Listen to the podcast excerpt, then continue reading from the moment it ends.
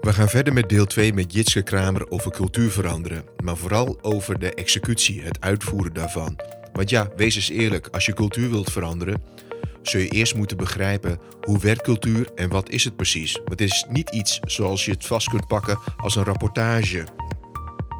En toch blijft het vreemd, want als de meeste mensen hun cultuur willen aanpakken, beginnen ze met de eerste harde feiten: de KPI's, de SLA's, de sales, de marketing. Maar dat is makkelijk meetbaar en cultuur niet. Daarom is het toch handig dat je de experts van buiten binnenhaalt, die weten hoe cultuur werkt en waar je het beste kunt sleutelen.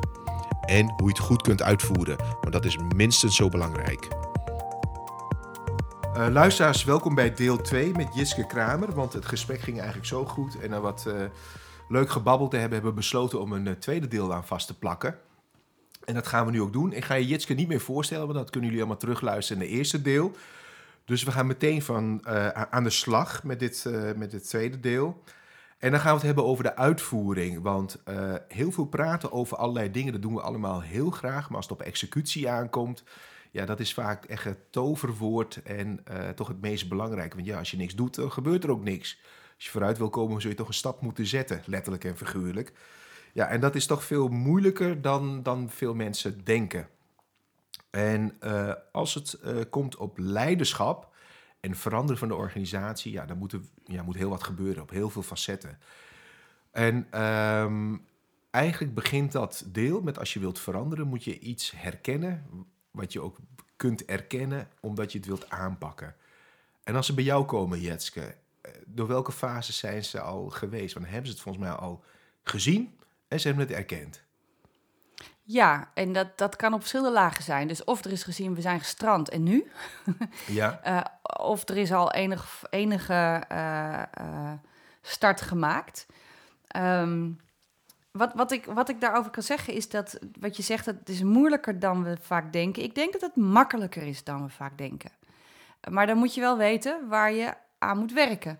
Is dat omdat de moeilijkheid ontstaat, omdat als veel bedrijven traditioneel, als ze willen veranderen, pakken ze de verandering vaak met ja, ouderwetse methodes of met, met methodes aan die ze van vroeger uh, geleerd hebben of nog steeds hebben. En dan via oude uh, middelen proberen uit te voeren. En dat gaat allemaal heel uh, stroef, zand in de motor, hoop ellende, zeg maar. En dan lukt het eigenlijk niet. Dus kun je, kun je nieuwe problemen met ouderwetse methodes oplossen? Ik denk het zelf niet. Dat vraagt om echt een hele andere ja, uitgangspunt. Ik, ik, ik, denk dat, ik weet niet of het aan de, het kan aan de oude methodes liggen. Ik denk dat er vaak een aantal denkfouten aan ten grondslag liggen. Dus het eerste denkfout is dat mensen uh, het idee hebben dat je hebt aan de ene kant de structuren en de strategieën en de correctiemechanismen. Dus dat zijn, wat noemen we ook wel de harde kant, of de blauwe kant. En dan labelen we cultuur als de soft skills, de samenwerking en hoe we de dingen doen. En dan gaan we dus eerst werken aan de structuur. En daarna, paragraaf 6.8 in het ja. plan, doen we iets met cultuur. En dan hey, gaan dat is we... toch eigenlijk heel vreemd? Want, dat is, het slaat nergens op. Nee, maar, dan je, gaan je we... communiceert elke dag met elkaar. Je geeft elkaar Ja. schoudersklopjes, zou koffie voor je halen en dat soort dingen. Dat is cultuur allemaal. hè? Ja, maar ook, ook, ook je, je, je, je, je blauwe inrichting, je financiële huishouding, is, de, is je cultuur. Dus de gedachtegang, A, dat je het op 6, paragraaf 6.8 en dat je dan values gaat uitdrukken, key values maakt, die dan vaak niet in actie zijn, daarom heb je ze bedacht. En die ga je uitrollen, dat, dat, dat werkt niet. En de eerste denkfout is dus denken dat die structuur losstaat van cultuur. Met een heel simpel voorbeeld. Stel je voor, je hebt een gezin, drie kinderen, oudste, middelste, jongste, en je gaat verhuizen. En, en er is wat gedoe in je gezin. Maar dat, je gaat eerst verhuizen. Ja, we Ja? gaan eerst verhuizen. Eerst verhuizen. We gaan eerst de boel op orde. En pas als alle kastjes op de juiste plek gaan, gaan we het hebben over. En dan moet je de kamers verdelen. En dan heb je één grote ouderslaapkamer en dan, dan steeds kleinere kamers. En dan ga je het verdelen. En dan gaan we eerst de kamers verdelen en dan gaan we het dan pas hebben over. Terwijl die kamerverdeling zegt alles over hoe je naar elkaar en onderlinge verhoudingen kijkt. Dus ga je de kamers indelen op basis van de oudste krijgt uiteraard... de ouders krijgen überhaupt de grootste kamer en dan de oudste en zo verder. Of zeg je, nou, we geven de grootste kamer aan degene met de hobby die veel ruimte nodig heeft. Dan ga je Ja. een andere verdeling doen. Dus hoe je kijkt naar de onderlinge relaties bepaalt heel erg hoe je de structuur inricht en vice versa. Als je een strategiewijziging doet of je besluit ehm, je, je, je, je, hoe heet het, je middelen anders te verdelen, dat heeft impact in onderlinge verhoudingen. Dus cultuur is, is de samenhang tussen hoe we structuren en financiële stromen en procedures inrichten en hoe we met groepsgrenzen omgaan en met humor en met elkaar en, en uh, straf en beloning en waar we in geloven. Dus de eerste denkfout is dat je dat los kan zien. Dus dan gaat het mis. Dus, dus dat zie ik heel veel. En wat ik heel veel zie in die veranderprocessen, is dat mensen het zwaar en zwoegend vinden, omdat ze eigenlijk niet snappen hoe mensen culturen vormen. En als je dat niet snapt, dan kan je het ook heel moeilijk beïnvloeden. Dus voor mij is een keuken bouwen, als ik dat in mijn eentje moet doen, echt een zwaar zwoegend proces. Ja, absoluut. Terwijl als je weet hoe het werkt, dan heb je hem, staat hij in twee dagen. Weet je, dus wat ik tegenkom is dat mensen proberen te sleutelen aan cultuur zonder te snappen hoe die processen in elkaar zitten. Ze, ze, ze kopen een IKEA-meubel, maar lezen niet de handleiding, gaan ze toch de kast in elkaar zetten. Ja, en sterker nog willen dan een op, op maatmodel hebben. Dus het is een stapel hout, want het moet wel Ja, uniek zijn. En ze houden nog tien schroeven over en dan vragen ze waarom is het zo eh, instabiel eigenlijk. Ja, terwijl dus, dus en in veel opleidingen wordt het gewoon niet goed uitgelegd. Dus en een belangrijk ding is snappen hoe culturen vormen. En die vormen zich in interactie en besluitvorming. En wat dan heel mooi is, is dat je moet bedenken dat je hebt zeg maar grote veranderingen. Die vragen om grote besluitvormingen waar daadwerkelijk iedereen aanwezig is. Daar kunnen we zo naar kijken. En tegelijkertijd is geen enkele cultuur statisch of stabiel. Dus het is niet zo dat een cultuur kan nooit af zijn. Een cultuur kan ook niet kapot.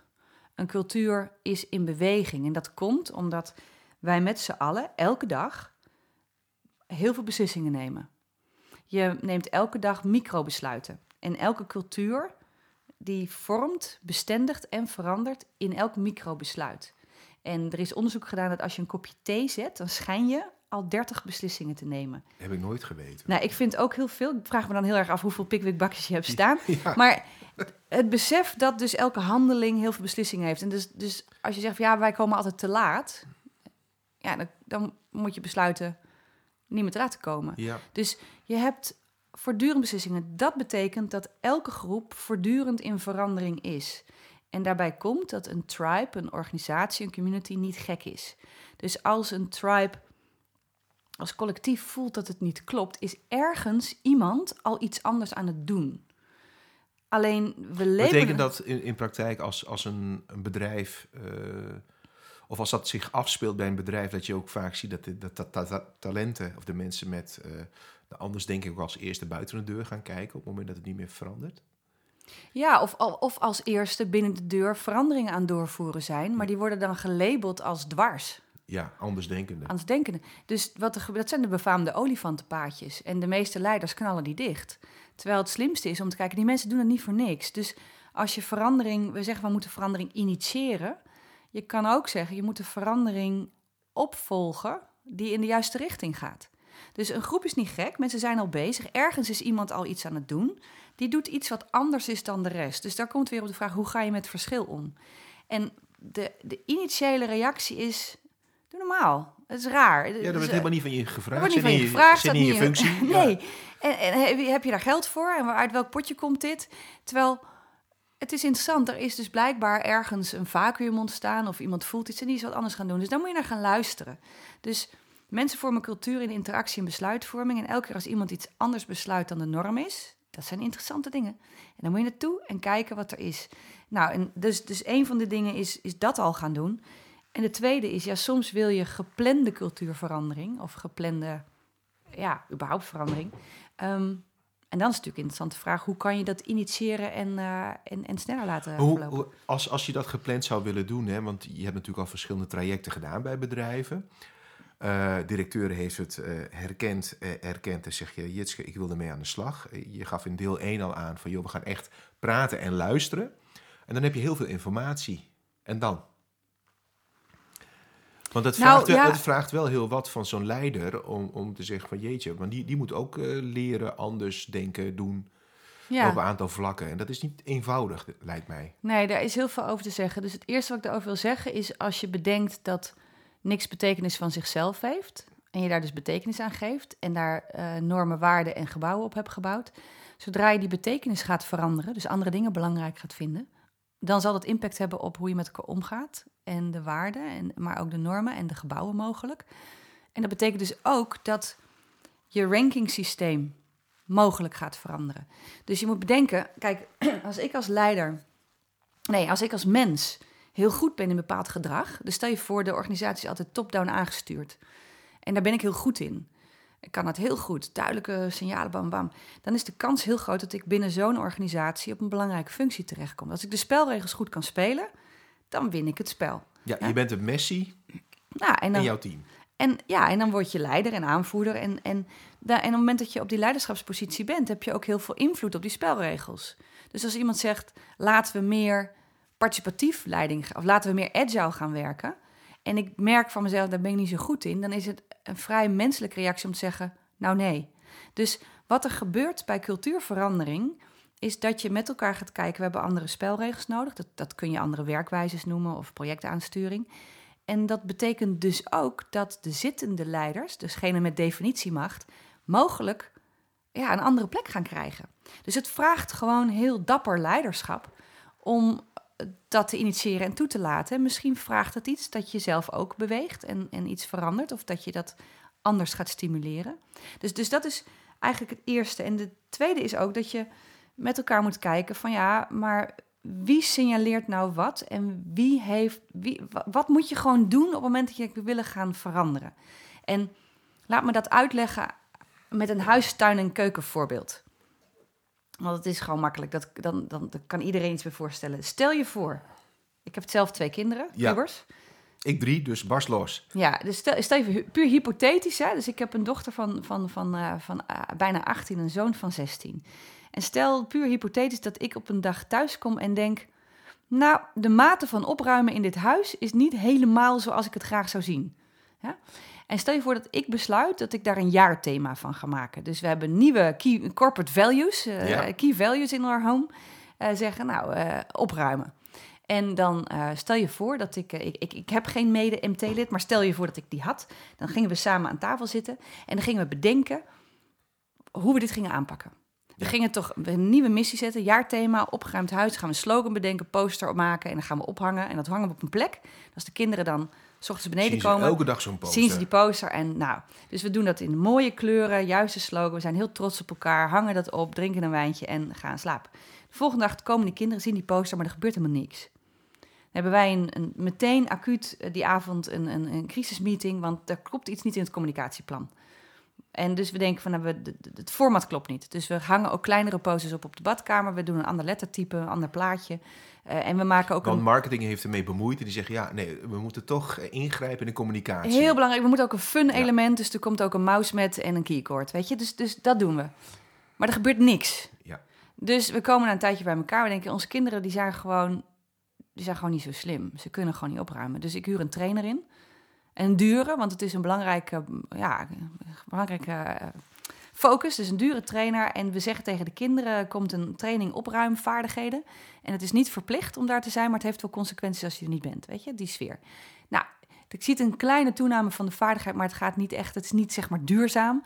Het sfeer in huis is ook minder leuk. Dus we denken, nou, er is wel veel weerstand op dit plan. Ja, ondertussen wordt de vaat ook niet meer opgeruimd. Nee. Hè, want, eh, En er zijn ook wat strubbelingen in het managementteam. Ja, want daar blijkt die ene partner, puur hypothetisch, je ook niet zo goed in te zijn, Ja. zullen we zeggen. Dus je hebt gedoe met het managementteam, jij moet ook meer opruimen. En dan krijg je dat.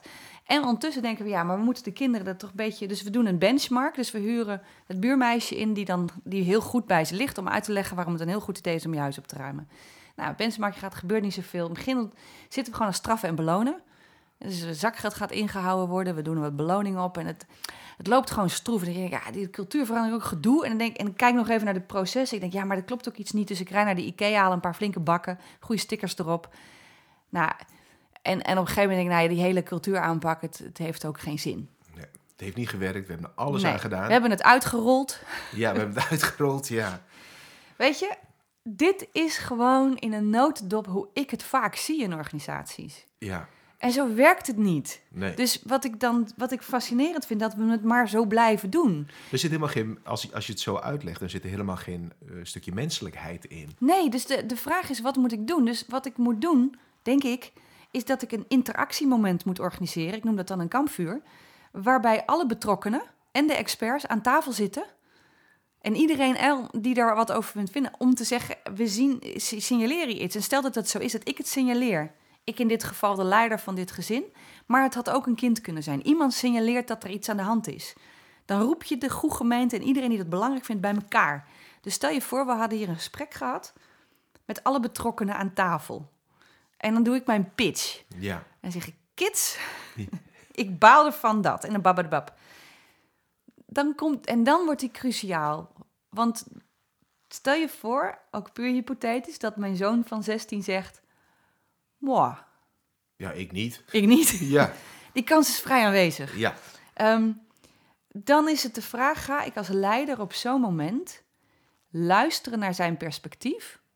Of zeg ik, sorry, maar wie betaalt, bepaalt, zolang je in het huis woont, wat je in je eigen huis doet, et cetera. Ja. Of ga ik het gesprek aan? En, en nou gaan we van die hypothese af. Ik heb dit gesprek gehad met mijn kinderen, het was een jaar of veertien, dat is een tijdje geleden. En mijn zoon zei inderdaad, moi. Ja. En hij vond het niet. En alles in mij zei, ik ga je nu overtuigen, meebewegen, motiveren. Waarom heb je weerstand? Nou, maar dat heb ik niet gedaan. Dus ik vroeg hem, maar hoe is dat dan voor jou? En toen zei mijn zoon, zei, nou, zegt hij, als ik aan het eind van de dag alles moet opruimen, dan voelt het alsof ik de volgende ochtend mijn leven opnieuw moet opstarten. Ja. Mijn eerste reactie was om heel hard in de lach te schieten. En de tweede reactie is om echt te luisteren, wat zegt hij nu? En als ik dan, als ik dat als wijsheid label, denk ik, ja, zeker in die tijd kon ik ook wel dingen opruimen waarvan je denkt, nou, weet je, is ook niet echt nodig. Het Dit, hoeft ook. Ik moet erbij lachen, want dit doet me zo denken aan mijn oude werkgever. We hadden de clean desk policy. Weet je, dan moest je ook je bureau opruimen. Dat je denkt, En dan, en dan eh, en daar waren een paar mensen van die, eh, ja, die deden dat natuurlijk niet. En die, die vergaten ook wat, weet je, omdat het gewoon druk was. En dan een week later hadden ze er foto's van gemaakt en werd dan gemaild. Van nou, de- de- ja, we zien nog steeds rotzooi overal. Weet je, dan denk ik van, oh mijn god. Ja, en dan is het Ja. vragen, wat, is, wat is dus de functie van het oude patroon? Dus in ons gezin was het voor hem, en dat ik dacht, ik ruim ook wel misschien te veel op. En als je, hij was toen veel aan het tekenen, en als je dan aan het tekenen bent en je laat het liggen, en dan pak je hem volgende ochtend veel makkelijker weer op. Ja, Dus het heeft een functie. En, en uh, dus, je, dus het als is een je... geheugensteun, hè? Dus een geheugensteun, het ligt klaar. Dus wat je gaat doen als je gaat veranderen, dan allereerst veranderen op zich is geen doel op zich. Je gaat eerst eens kijken wat zijn de huidige cultuurpatronen en waarom zijn die zo ontstaan. Dus cultuur is een unieke antwoord op universele vragen.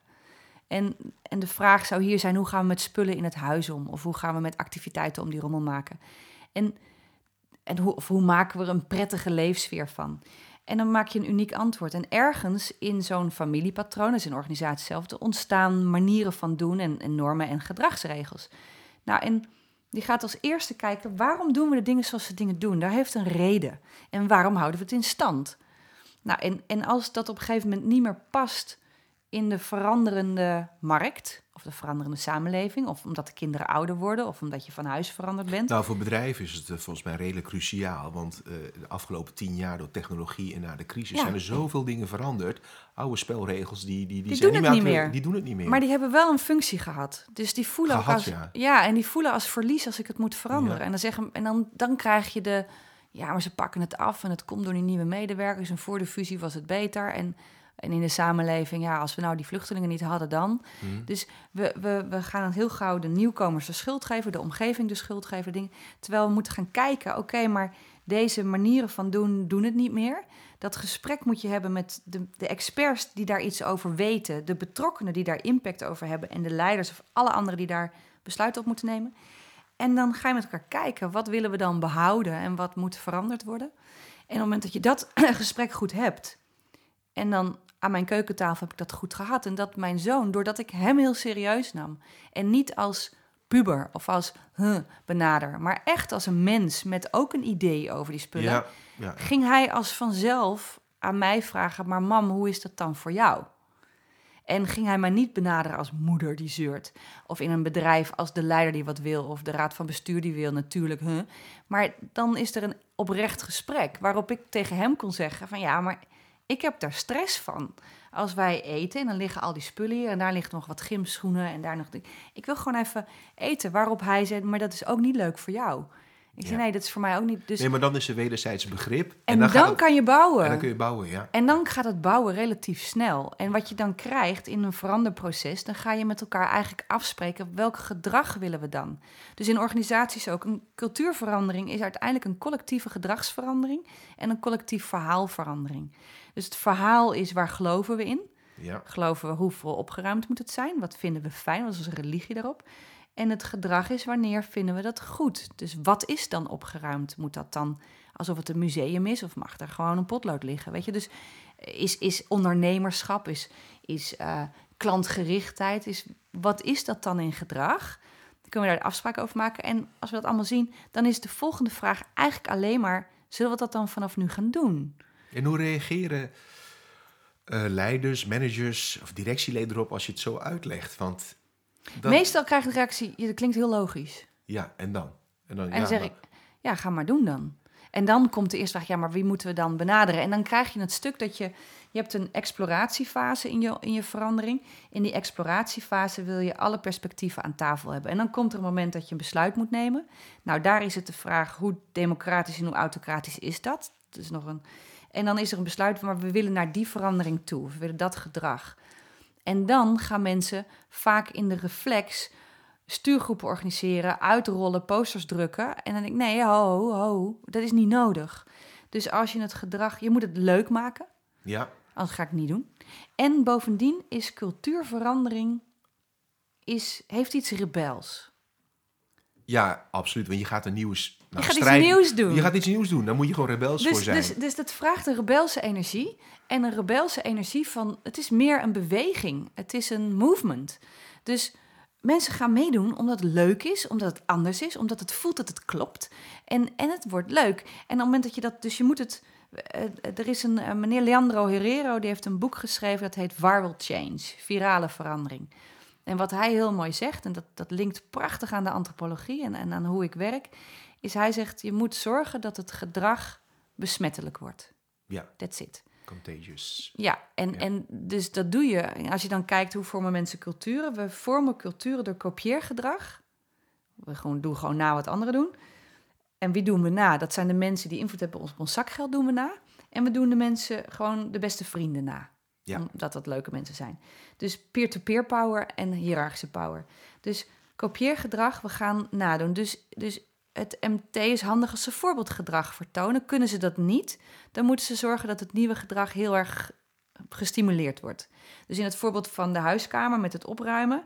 Als ik zelf heel slecht opruim, maar ik verwacht dat wel van mijn kinderen. Moet je Dan- voorbeeldgedrag geven. Ja, en als ik dat echt niet kan, dan zeg ik tegen mijn kinderen: ja, ik ben er echt heel slecht in. Maar ik beloon jullie extra, want we hebben dit met elkaar wel nodig. Ja, Dus, en het belonen zit niet alleen in een financiële prikkel. Dat zit in dat je het verhaal aantrekkelijk maakt. Dus, dus je moet iets met gedrag en daarmee kopieergedrag en de verhalen doen. En dat vraagt iets rebels. En dat heb je dus, en dan komt de boodschap voor leiders, dan wordt die minder comfortabel. Dat heb je dus niet helemaal in de hand. nee, want je geeft een stuk autoriteit aan de mensen zelf. Nou ja, ja, dat doe je. Dat denk je dat je dat doet. Ja, Maar de grap is, die hadden ze al. ja want ze deden al wat ze leuk Ze vonden. deden het al lang. Ja. Dus het enige wat je hoeft te doen is, is accepteren en beseffen dat de veranderkracht heel erg ligt in wat we dan noemen die informele vriendschappelijke netwerken. En maar heel betrekkelijk in jouw sturing als leider. Je kunt het wel maken of breken, maar de echte movement ontstaat niet vanuit het zittend leiderschap. Nee, Dus ja, absoluut niet. je geeft een andere, en, en wat Leandro Herrero daar mooi in zegt, en daar, daar geloof ik hem erg in, dat de mensen die je in dat veranderfase moet betrekken, zijn de mensen met de meeste connecties. De dus- beste ambassadeurs. Die, Nou, de, de ambassadeurs zijn degene die een verhaal kunnen vertellen. Hij maakt het nog veel platter. Hij zegt, als je kijkt naar, als je het als virus wil verspreiden, dan wil je alleen die mensen betrekken die, als het een echt virus zou zijn, die zou je in quarantaine zetten.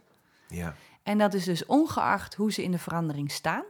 Dat is puur op hoeveel mensen zij tegenkomen. Want die geven ze allemaal een hand. Dus als je denkt aan kopieergedrag, dan wil je die most well-connected mensen, de mensen met de meeste connecties. Want die verspreiden het nieuwe verhaal, die verspreiden het nieuwe gedrag. Daardoor gaat het snel. En dat zijn over het algemeen niet de mensen in je formele leiderschapsstructuur.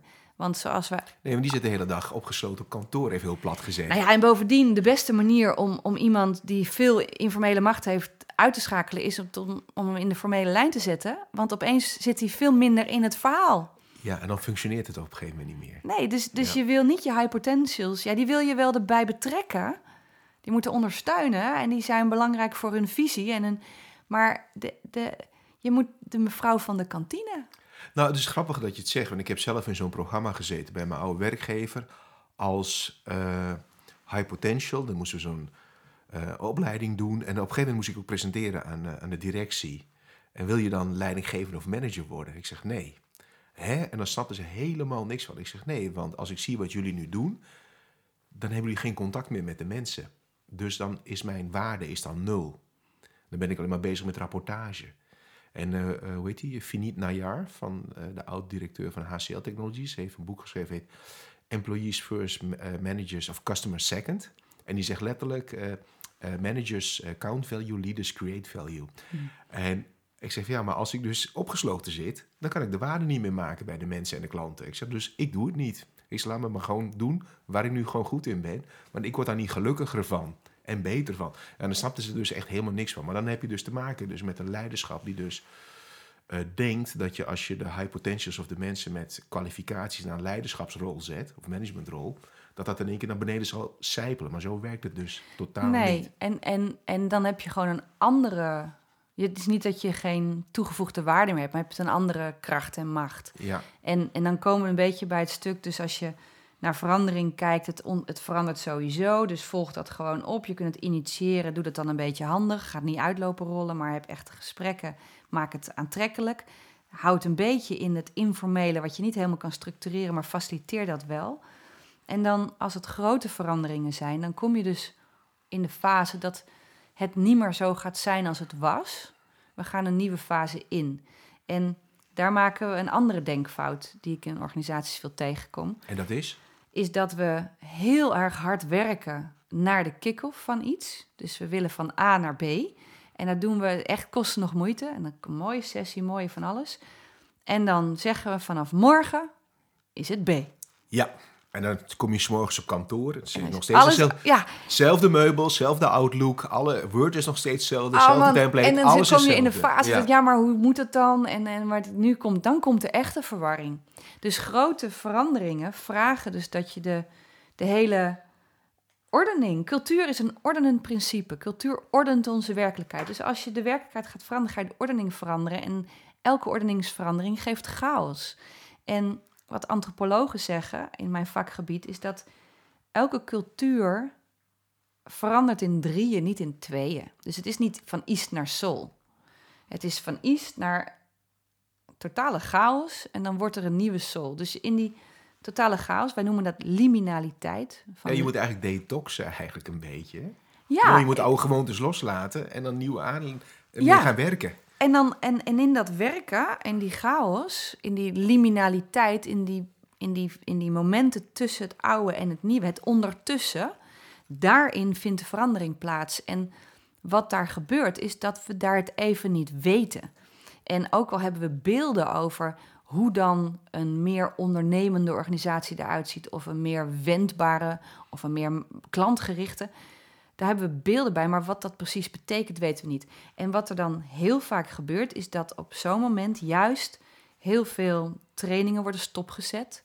Uh, bepaalde bijeenkomsten worden gecanceld tot het moment dat we weten hoe het functiehuis eruit ziet, wat er moet, wat er moet gebeuren. Of, als een, ja, een gek vergelijking bij een verslaafde. Op het moment dat hij dus net niet over die tipping point heen gaat, valt hij weer terug in zijn oude gewoontes. Ja, want dat is het eerste wat ja. zeggen. Moet dit? Kan het niet terug? Willen we het eigenlijk wel? Moet het misschien anders? Dat hoort bij die liminaliteit. En leiders, die moeten vervolgens sturen vaak. Want op de meeste plekken gaat het leven door. De toko blijft open. Dus we, hebben, we moeten de school veranderen terwijl de kinderen rondlopen. De zorgsystemen kloppen niet meer terwijl er nog steeds patiënten blijven. Ja. Het, het, het, het, de, de productieproces lukt niet meer, maar we moeten wel blijven leveren. Dus je zit in een situatie waarin een community, een tribe, door moet leven en tegelijkertijd een grote transformatie moet doorgaan. En dat, dat is liminale fase. En als je dan de kennis van de antropologie gebruikt, dan weet je, dan, dan komen we een beetje op tribale archetypen. In elke tribe heb je een aantal tribale archetypen. Mhm. Dat zijn de leiders, de chiefs. Dat zijn de verzamelaars, de jagers, de magiërs en de elders. Nou, en in zo'n veranderproces, degene die als eerste aan moeten, al in, als leiderschap, is het de chiefs en de magiërs. Ja. En dan kom je op iets dat de chiefs, dat zijn de burgemeesters van de tribe. Die zijn heel belangrijk. En de subchiefs heb je trouwens ook nog. Dat zijn degenen die de chiefs helpen. Die moeten zorgen dat het blijft lopen. Dat de oogst wordt binnengehaald. Ja. Dat de KPI's moeten gewoon gehaald worden. De klanten moeten... Weet je, dat moet gewoon gebeuren. Dus die, die, die, die slaan de drum. Ja. En die worden ook vaak als irritant ervaren. Want eh, ja, moet dat ook nog? Weet je, we hebben het al zo druk. Maar dat, dat moet doorgaan. En daarnaast, dus die regelen het gewone. En daarnaast in zo'n verandering, zo'n, zeker zo'n grote transformatie... moet er iets buitengewoons gebeuren. Ja. En het buitengewone wordt tribaal gezien door de magiërs begeleid. Ja. En die doen wat anders. Die praten namelijk met de spirits. En dat, kan, ja, dat is een beetje wishy-washy in organisaties. Maar wat die eigenlijk doen, is die... De spirit van de organisatie is je missie, je visie, je strategie. Dus als die veranderd moet worden, als het organisatieverhaal veranderd moet worden... het geloven in hoe je met klanten om moet gaan veranderd moet worden... dat is een buitengewoon gesprek. ja. Heb je andere type mensen voor nodig om dat te initiëren? Het zijn vaak niet dezelfde, soms wel. Soms Ja. kan het, hè, dat je een hele magische leider hebt. Ja. Maar in hele grote transformaties eh, is het over het algemeen iemand anders. En ik leg dat regelmatig uit, dat als je naar de liminaliteit kijkt... Ik, ik hou ervan om dat naar het persoonlijke leven te trekken... en dan kan je zelf het vergelijk naar organisaties leggen... is als je door je in je eigen leven maak je veel grote veranderingen mee. Je wordt ziek, je wordt weer beter, hopelijk. Ehm, je, je, krijgt kinderen, je scheid- gaat scheiden, gaat trouwen. Het zijn allemaal van die grote transformatieprocessen. En, en in ziekteperiode, en dat heb ik helaas zelf eh, mogen meemaken, is dat je een. Ik ben zelf een jaar thuis geweest, mijn lijf deed het niet. En dat je in zo'n periode heb je chief nodig, de leider nodig, die je ritme geeft. Die zegt: gaat nu eten, je gaat nu slapen. Kadoef, kadoef. Je gaat je KPI's halen. Ja, Leven ja, gaat ja, door.